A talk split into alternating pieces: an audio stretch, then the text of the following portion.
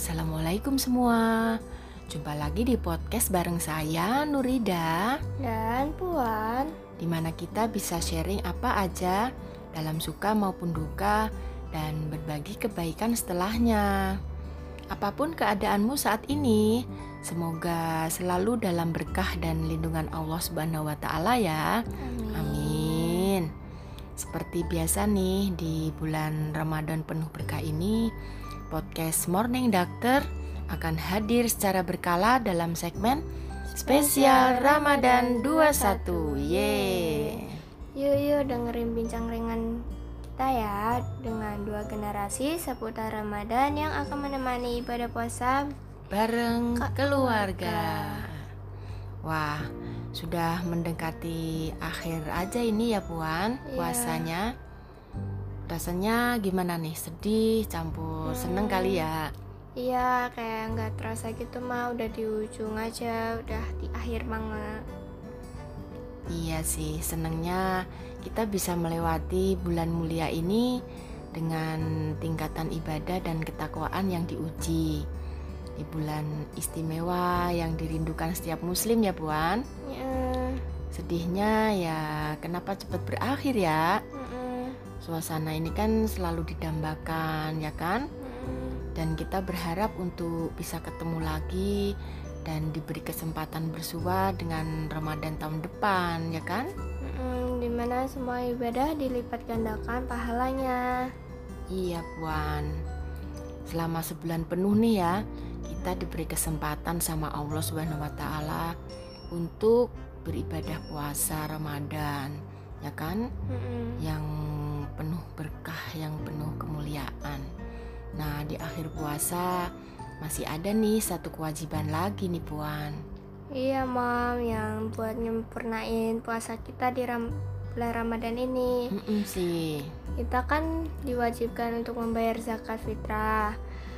Eh, Ini juga requestnya tentang zakat. Gimana tuh ma peraturannya? Oh, setelah memang sebulan penuh kita menjalankan ibadah puasa, Puan, setiap muslim memang diwajibkan untuk memberikan zakat fitrah. Ini dilakukan setahun sekali yaitu saat bulan Ramadan menjelang Idul Fitri, Puan. Dalam hadis riwayat Bukhari Muslim sudah disebutkan Rasulullah Shallallahu Alaihi Wasallam mewajibkan zakat fitri dengan satu so kurma atau satu so gandum bagi hamba dan yang merdeka, bagi laki-laki dan perempuan, bagi anak-anak dan orang dewasa, dari kaum muslimin semua. Beliau memerintahkan agar zakat tersebut ditunaikan sebelum manusia berangkat sholat id. Mutafakun alaih. Nah, ini pada prinsipnya zakat fitrah tuh harus dikeluarkan sebelum sholat idul fitri dilangsungkan. Nah, dan inilah yang membedakan antara zakat fitrah dan zakat-zakat lainnya. Hmm, bedanya apa mom? Iya, kalau zakat fitrah itu zakat yang dikeluarkan sebelum menjalankan sholat idul fitri. Kita kan sebenarnya ada zakat-zakat yang lain ya Puan. Hmm, Ada zakat mal, zakat harta, ada infak, ada sodako, ya kan? hmm, Itu pada dasarnya tuh kan eh, harta yang kita miliki Puan itu tidak hanya milik kita sendiri, tapi ada sebagian yang milik orang lain, artinya kaum duafa gitu. Nah, itu yang harus kita keluarkan zakatnya. Nah, untuk zakat Idul Fitri ini, Puan, yang harus kita keluarkan sebelum melangsungkan apa sholat Id. Heeh. itu artinya untuk mensucikan harta kita, Puan. Hmm, Iya. Tadi Mama udah katakan kalau setiap harta yang kita miliki kan pada setiap manusia punya hak sebagian orang lain yang harus kita berikan, kita bagikan. Ya kan? Nah, itu harus kita sucikan, kita bersihkan harta kita. Kalau Idul Fitri biasanya setara dengan dua setengah kilogram beras. gitu puan kayak kita juga gitu ya mom setiap malam takbiran Iya, jalan iya. sambil bayar zakat uh-uh, fitrah kan? ya kan? Kalau biasanya tuh kita seperti itu ya di masjid. Atau di lembaga amil zakat yang menerima zakat fitrah kita ya kan? Mm-mm. tapi kalau memang nggak bisa di masjid kayak sekarang kita bisa langsung ke duafa atau kepada tetangga yang dekat kita mungkin yang kurang mampu Hmm. boleh aja sih asal kepada semua orang yang berhak Hmm. Tapi kalau pandemi gini kayaknya zakat nggak harus rame-rame deh ya. Bisa lewat aplikasi juga kan, Mam? Kayak ya pakai aplikasi. Mm-mm, Iya bener juga sih Puan Karena kan situasi memang lagi pandemi kayak gini ya kan Dan zakat memang harus kita keluarkan Nah sekarang memang sudah banyak lembaga zakat yang bisa menerima lewat aplikasi juga ya kan Mm-mm. Kita tinggal buka aplikasi klik udah deh bayar ya nggak Iya. Ada banyak yang tinggal Mm-mm. Bisa tinggal- pakai kan ada banyak aplikasi buat transfer itu kan kayak dompetnya online gitu kan, Mm-mm. dompet di HP. Iya, benar. bisa buat transfer juga jadi semuanya dipermudah gitu sama teknologi kita Iya bener Puan Semua tergantung sama niat kita ya Mm-mm. Tahun kemarin aja kan kita zakatnya juga sudah pakai aplikasi kan Karena Mm. kita nggak bisa apa jalan seperti biasa kan biasanya kita ke masjid tuh di situ kan ada ambil Mm. zakat ya nggak kita Mm. datang ke sana kita naruh zakat kita ya kan?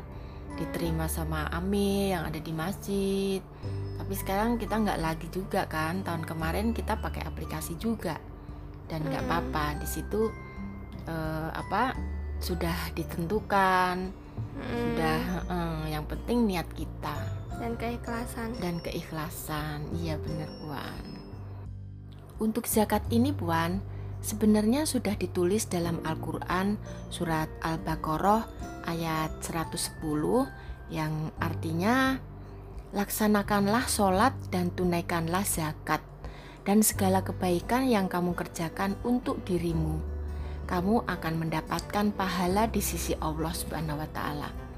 Sungguh Allah Maha melihat apa yang kamu kerjakan. Nah, Puan, sebenarnya banyak banget loh manfaat dari melakukan zakat ini, Puan. iya eh, untuk kita sih eh, Mm-mm. manfaatnya bisa buat nenangin Iya. hati kita Mm, karena kan juga buat melatih kita keikhlasan, ya kan, ketulusan Mm. hati. Berbagi itu kan harus ikhlas, nggak bisa dipaksakan, ya kan. Mm. Terus zakat ini kan juga buat ngebersihin hati kita juga. Mm, maupun Terus- harta kita juga Mm. kita harus dibersihkan, Puan. Hmm, dan juga untuk menyempurnakan iman iya kita. betul untuk menyempurnakan iman kita juga ya Hmm. kan dan satu lagi puan Bisa memperpanjang. bisa memperpanjang umur kenapa? Karena dengan hati kita tenang dengan hati kita ikhlas. Nggak ada rasa ini ya nggak ada dendam nggak ada aduh iri gitu akan membuat kita panjang umur. Ya enggak Iya. Iya. Dan dari sisi ekonomi juga, Puan, dengan adanya zakat ini bisa eh, roda ekonomi bisa berputar dengan baik, ya kan? Mm-mm. Karena kan eh, Jadi bisa lancar, nggak ada hambatan. nggak ada hambatan antara yang miskin dan yang kaya kan, jadi nggak ada senjangnya lagi Mm-mm. karena adanya zakat, fitrah, infak, sodako itu, Puan. Karena tadi itu puan kita nih sebenarnya harta kita ini nggak untuk diri kita sendiri karena ada sebagian milik orang lain yang berhak gitu itu juga Hmm. ada tuh dalam surat Az-Zariyat ayat 19 artinya dan pada harta benda mereka ada hak orang miskin yang meminta dan orang miskin yang tidak meminta nah itu tuh Hmm. harus diperhatikan puan jadi kita harus wajib mengeluarkan zakatnya Iya. itu puan mungkin itu ya Puan. Iya. Semoga kita selalu dijaga sama Allah keimanan kita ya, Amin. Keislaman kita juga. Amin. Amin dan semoga kita bincang ini bisa bermanfaat. Sekian dulu sampai jumpa di episode selanjutnya. Jangan lupa follow IG-nya @nuridazet Dan at Devin underscore Adinda juga jangan lupa kepoin podcastnya Morning Doctor di Spotify dan Anchor FM salam sehat dan selalu semangat.